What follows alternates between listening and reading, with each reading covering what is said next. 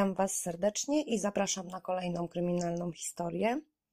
Dzisiaj będziemy mówić o sprawie z Francji.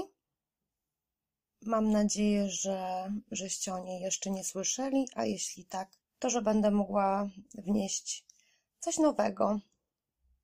I chyba od razu przejdziemy do sprawy, tylko jeszcze wspomnę o tym, że nigdy nie miałam możliwości nauki języka francuskiego, więc jeśli gdzieś się pomylę w jakimś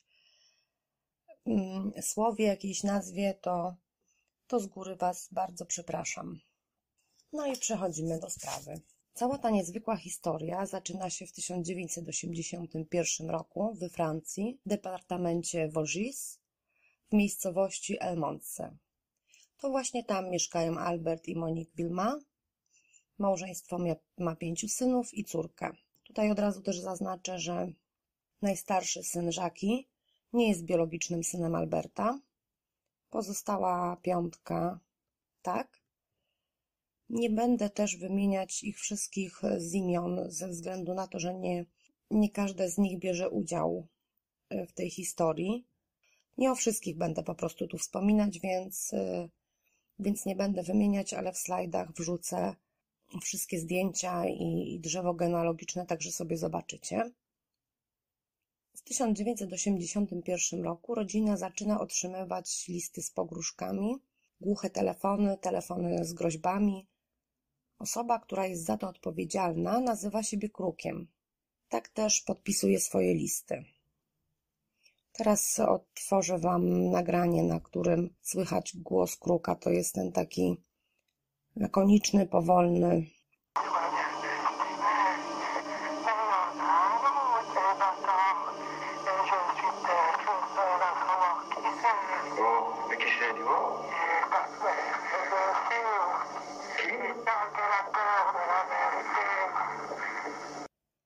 Początkowo kruk skupia się na Albercie.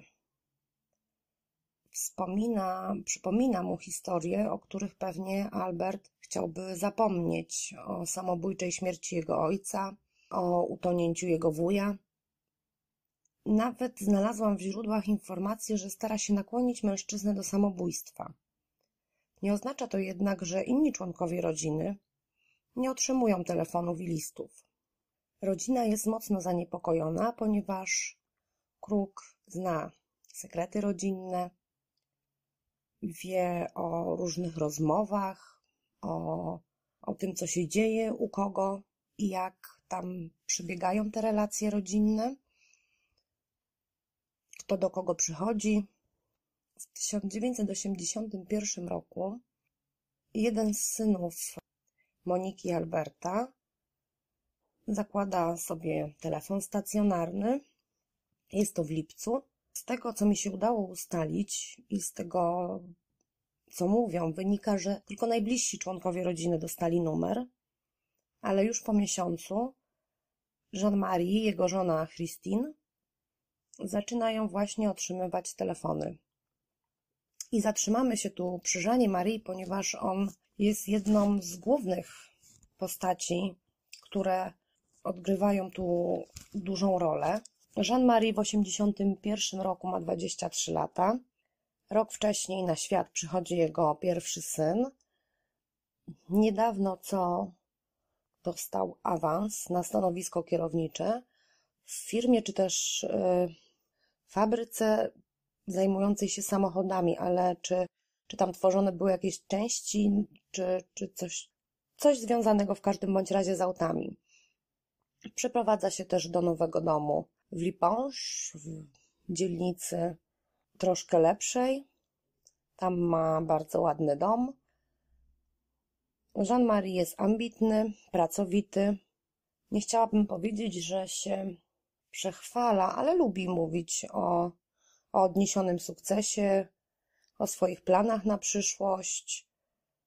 I tak też przyciąga uwagę kruka. Z czasem kruk właśnie zaczyna się bardzo interesować Żanem Marie.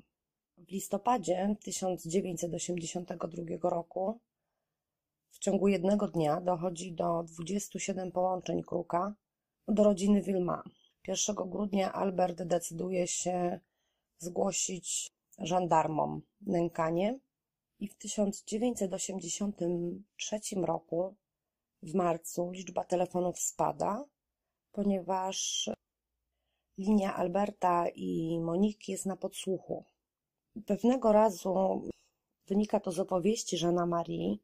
On odbiera telefon od prześladowcy w miejscu pracy i kruk grozi, że podpali mu dom. Jean-Marie nie daje się wyprowadzić z równowagi i mówi to nic, wybuduje sobie nowy. Kruk grozi jego żonie Christine. Jean-Marie w dalszym ciągu jest opanowany i ma odpowiedzieć, że będę miał nową żonę. Kruk szuka w dalszym ciągu słabego punktu Żana i grozi jego synowi, Gregoriemu. Mężczyzna ze zdenerwowaniem krzyczy do słuchawki, że, że zabije kruka. I tak też w maju 1983 roku kruk przestaje się kontaktować z rodziną. Cisza, która przyniesie rodzinie piekło, trwa do 16 października 1984 roku. Jest wtorek. Christine wychodzi z pracy krótko przed 17, jedzie odebrać Gregoriego od opiekunki, po czym oboje wracają do domu. Chłopiec zostaje przed domem, by się pobawić. Christine idzie do domu z zamiarem prasowania.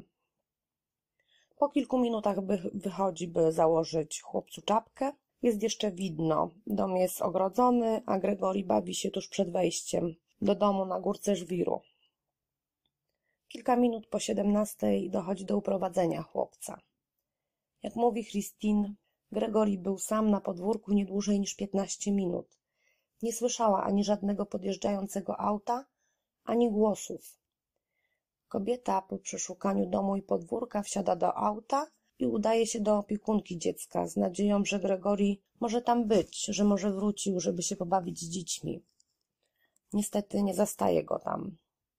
Jedzie do koleżanki chłopca, tam również go nie ma i kieruje się w stronę domu z nadzieją, że może Gregory wrócił. Michel, wuj chłopca, odbiera telefon. Dzwoni kruk. Informuje stryja dziecka o porwaniu malca i o tym, że się zemścił na szefie, jak zwykł nazywać żona w swoich listach i telefonach. Michel ma powiadomić rodziców i Monique dzwoni do Christine, żeby jej powiedzieć, że to kruk zabrał dziecko. Christine dzwoni do, do męża, wkrótce zostają powiadomieni żandarmi, którzy się zjawiają na miejscu. Pojawia się również Monique e, z Albertem, Michel i sąsiedzi, którzy pomagają w poszukiwaniach. Po około godzinie poszukiwań Michel informuje, że kruk mu powiedział, iż wrzucił Gregoriego do rzeki Woloń. Żandarmi udają się nad rzekę. Jean-Marie z Albertem i prawdopodobnie Michelem również, tylko udają się w dwie różne części, tak? Około godziny 21.15 zwłoki chłopca zostają wyłowione z rzeki Woloń. Gregory miał związane ręce oraz nogi sznurem, na twarz naciągniętą czapkę, która była przywiązana sznurem do szyi dziecka. Gregory zmarł w wyniku utonięcia. Lekarz, który badał chłopca po śmierci, mówi, iż Gregory miał spokojny wyraz twarzy, jakby spał. Na skórze brak było otarć, siniaków. Naskórek nie był zdarty w miejscu wiązań. W środę 17 października, po zabójstwie chłopca, rodzice dostają list od kruka. Mam nadzieję, że smutek cię zabije, szefie. Stempel pochodzi z Liponge. Żandarmi są niemal pewni, że list został wysłany zaraz po uprowadzeniu chłopca. 18 października, dwa dni po morderstwie Gregoriego, 140 osób z rodziny mm, pisze dyktando. Piszą prawą i lewą ręką. Mają dyktowany list od kruka. Żandarmi chcą sprawdzić, kogo to charakter pisma. Od samego początku skupiają się na, na rodzinie. Ze względu na to, iż tak jak już wcześniej wspomniałam, kruk znał te powiązania rodzinne, tajemnice, którymi się dzielił z innymi osobami, do których dzwonił. Warto tu jeszcze wspomnieć w tym miejscu, że telefon, który odebrał ponoć Michel, oprócz tego, co się stało z dzieckiem, to Kruk mu powiedział: Powiedz matce, żeby go nie szukała, czy że go nie znajdzie, coś na tej zasadzie. Tak jakby mm, obserwował dom Żana i Christine i wiedział, że, że kobieta wsiadła do auta i jeździła po okolicy szukając, szukając chłopca. Teraz wam jeszcze tutaj wrzucę, e, jak mniej więcej wyglądała ta, ta wioska, ta, to osiedle, na którym mieszkam dziadkowie Gregoriego. I w ich bliskiej, bliskim ich sąsiedztwie mieszkał właśnie najstarszy syn Żaki, mieszkał właśnie Michel, mieszkał brat Monique oraz siostrzeniec Monik. Możliwe, że jeszcze ktoś tam z członków rodziny mieszkał, ale o nich akurat nie jest wspomniane i tu macie właśnie tą naj, najbliższą okolicę, ponieważ Kruk często, tak jak mówiłam, wiedział, kto do kogo przychodzi i tak dalej, więc, więc tu macie podgląd, jak, jak, to, jak to wyglądało i kto, kto mógł mieć na kogo oko. Pogrzeb Gregoriego odbywa się 20 października. Po informacji, która trafiła do mediów, zjechało się bardzo dużo dziennikarzy do Lipąż. Moje zdanie jest takie, że przekroczyli chyba wszystkie granice dobrego smaku i jakiejkolwiek kultury na pogrzebie chłopca. Stali na murach, zbliżali się do rodziny naprawdę na bardzo bliską odległość. Nawet zadawali pytania żałobnikom, więc wydaje mi się, że to chyba przekracza jakiekolwiek normy.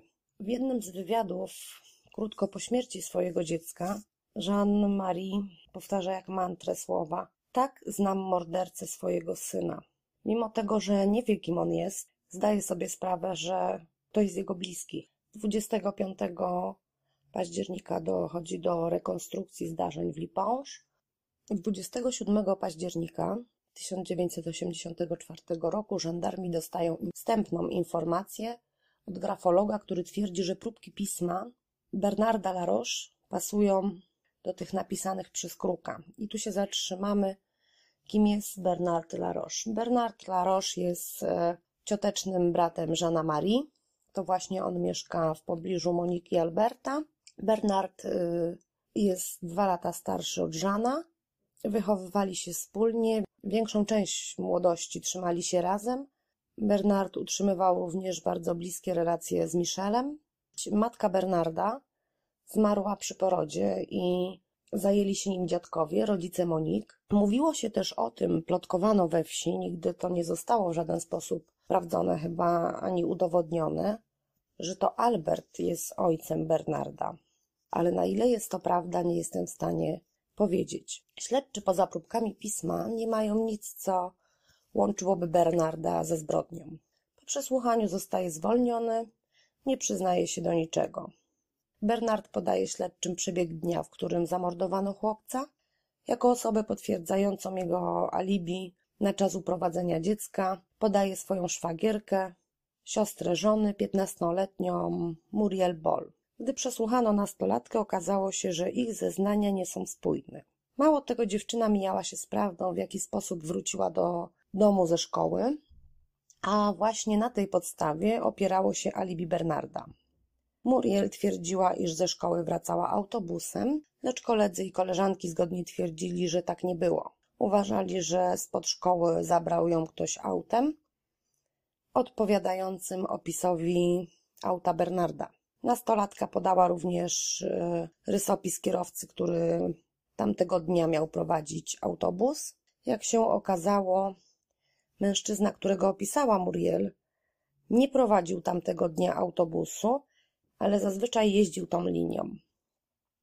Dziewczyna przyła przyłapana na kłamstwie zmienia zeznania. Muriel przyznaje, iż spod szkoły odebrał ją Bernard, opowiada o uprowadzeniu chłopca, zeznaje, że w aucie poza nią i Bernardem był jeszcze jego syn czteroletni Sebastian i tak jak widzicie Sebastian jest w wieku Gregoriego. Twierdzi, że nie, wiedział, nie widziała momentu uprowadzenia, ponieważ Bernard zaparkował auto na, na poboczu i się oddalił, wrócił z dzieckiem. Momentu morderstwa również twierdzi, że nie widziała, ponieważ Laroche zabrał chłopca z auta i wrócił bez niego. Żandarmi informują sędziego Lamberta, to jest sędzia śledczy, o zeznaniach Bol. Sędzia nie ma czasu, wyjeżdża na weekend. Każe żandarmom odwieźć dziewczynę do domu. Do domu, w którym mieszka jej siostra z mężem Bernardem, którego dziewczyna właśnie obciążyła zeznaniami. Poniedziałek sędzia rozmawia z Muriel, dziewczyna potwierdza wszystko, co zeznała w piątek. 5 listopada 1984 roku Bernard Laroche zostaje aresztowany. Konferencja prasowa z udziałem sędziego odbywa się nazajutrz. Podczas rozmowy z dziennikarzami pada nazwisko głównego świadka Muriel Boll. Dziennikarze pytają, czy to ona składała zeznania przeciwko Laroche. Sędzia przytakuje. Mówi też, że dzięki jej zeznaniom było możliwe aresztowanie Bernarda. Konferencja prasowa była fatalnym posunięciem. Ujawnienia, ujawnienie nazwiska świadka poniesie ze sobą konsekwencje. W domu dziadków Gregoriego dochodzi do spotkania rodzinnego. Jean naciska na Michela, ponieważ Bernard zeznał, że w dniu morderstwa był u niego. Mało tego, Jean nie jest głupim człowiekiem i zaczyna coś podejrzewać. Kruk zadzwonił do Michela z informacją, że porwał Gregoriego. Następnie Michel przez godzinę nikomu nie mówi o tym, że Kruk powiedział, że wrzucił chłopca do rzeki. Była jeszcze taka sytuacja, o której wam wspomnę. Dwa dni przed morderstwem Gregoriego w domu Żana i Christine gościł właśnie Michel wraz ze swoją żoną. Żan opowiadał bratu o planach rozbudowy domu, o piwniczce z winami, którą zamierzał uzupełnić. Michel miał to skomentować słowami, tylko szef może sobie na to pozwolić. Jak przypomnę, Kruk nazywał Żana szefem w swoich listach i telefonach. I początkowo myślałam, że to tak, ten zwrot, że tak to podnoszone jest nad wyrost. To tylko szef może sobie na to pozwolić. Im bardziej się zagłębiałam w tą historię, tym bardziej wydawało mi się to dziwne. I tym bardziej, no, tym więcej było różnych takich poszlak, które prowadziły właśnie do Michela. Tak jak wspomniałam, odbyło się to, to spotkanie, gdzie Jean bardzo naciskał na Michela, żeby, żeby powiedział prawdę, jeśli wie coś na temat e, morderstwa jego dziecka. I jeszcze Kruk w swoich telefonach mówił, że Monik wie, tak jakby kim on jest. A Monik, matka mężczyzn, podczas tego spotkania stała murem za Michelem, no i, no i stała w obronie właśnie starszego syna. Jean i Christine postanawiają zerwać kontakt z rodziną. Tego, co udało mi się dowiedzieć, to podejrzenia Żana i Christine dzielił również właśnie najstarszy przyrodni brat Żana, Żaki, siostra mężczyzn i, i żona Żakiego. Natomiast za Michelem, tak jak wspomniałam, stała matka i ojciec. Muriel odwołuje swoje zeznania. Przed kamerami twierdzi, że żandarmi wymusili na niej zeznania, że zostały podyktowane. Część osób uważa, że dziewczyna zrobiła pod, to pod naciskiem rodziny, ponieważ e, jak dziś udało mi się doczytać, jeden z sąsiadów, czy to któryś z krewnych, Muriel, mówił, że kiedy zatrzymano Bernarda i Muriel wróciła do domu, zjechała się tam cała rodzina od strony matki Muriel. Mówiło się o tym, że bardzo na nią naciskali, że dziewczyna została pobita. Ale ile jest w tym prawdy, to trudno teraz powiedzieć. Prawnik Bernarda jest częstym gościem sędziego. Uważa się, że wywiera nacisk na Lamberta. Podczas pobytu Bernarda w areszcie zarządzono tylko jedno przesłuchanie. Zeznania mężczyzny zajmują jedną kartkę. Padły tylko trzy pytania. W listopadzie w ręce żandarmów wpada pudełko oraz strzykawka po insulinie. Świadek znalazł to przy budynku straży pożarnej. Żandarmi uważali, iż to właśnie w pobliżu straży morderca wrzucił chłopca do rzeki. Padają przypuszczenia, że morderca podał dziecku insulinę. Wyjaśniałoby to brak śladów obrażeń na ciele chłopca. Lekarze nigdy jednak Mm, nie zaprzeczyli i nie potwierdzili tym przypuszczeniom. Ciało chłopca nie było badane pod tym kątem. Warto też wspomnieć o tym, że teściowa Bernarda chorowała na cukrzycę. To pudełeczko z insuliną i ze strzykawką odpowiadało tym, których ona używała. Sędzia Lambert zakazuje śledczym iść tym tropem. 9 listopada 1984 roku w Epinal odbywa się przesłuchanie wszystkich, którzy widzieli się z Bernardem w dniu morderstwa chłopca. Jak twierdzi obrońca Laroche, świadkowie potwierdzili przebieg jego dnia.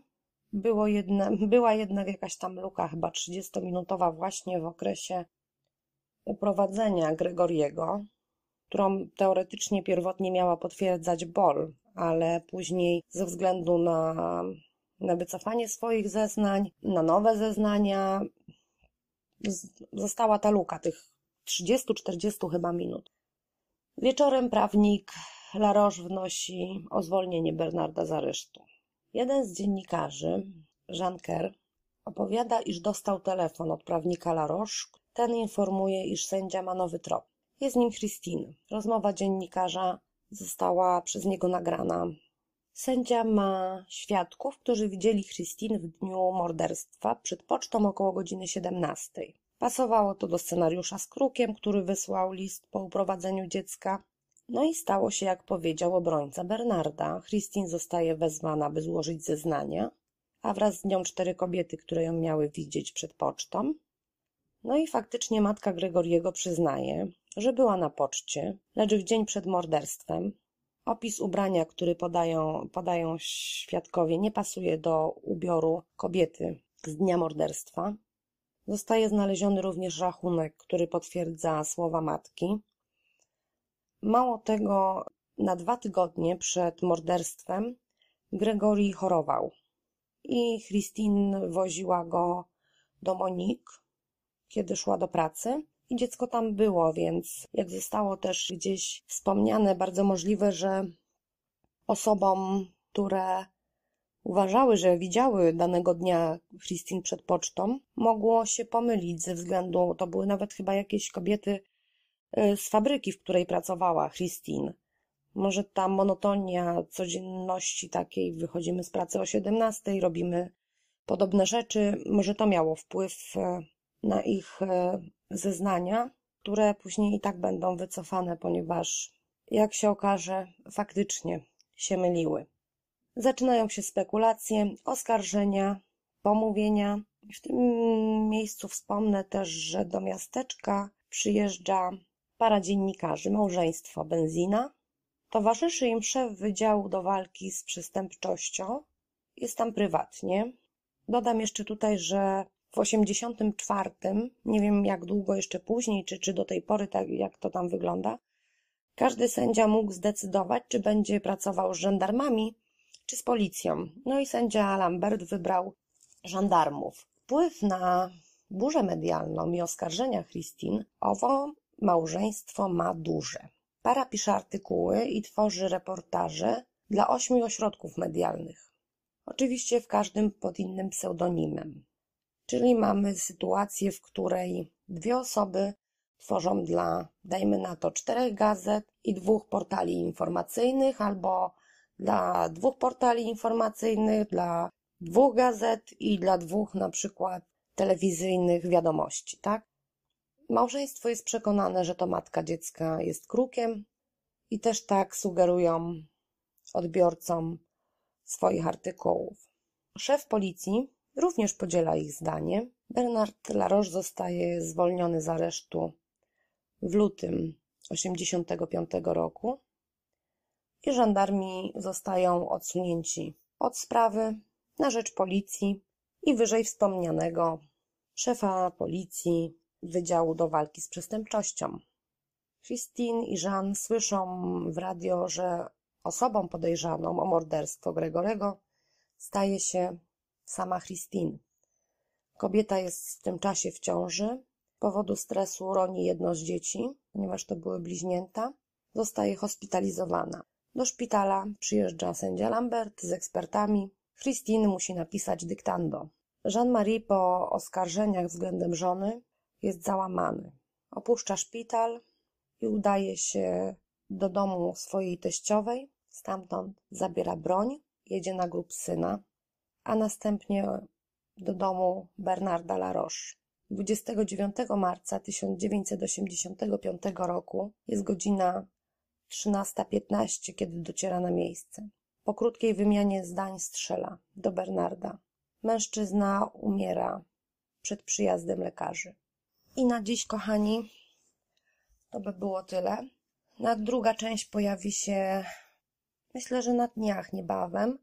I będziemy mieli sobie jeszcze sporo do opowiedzenia, bo, bo będziemy mówić o procesie Żana Marii, o oskarżeniach względem Christine i dalej będziemy szukać kruka. Dziękuję Wam bardzo za wspólnie spędzony czas. Do usłyszenia. Cześć.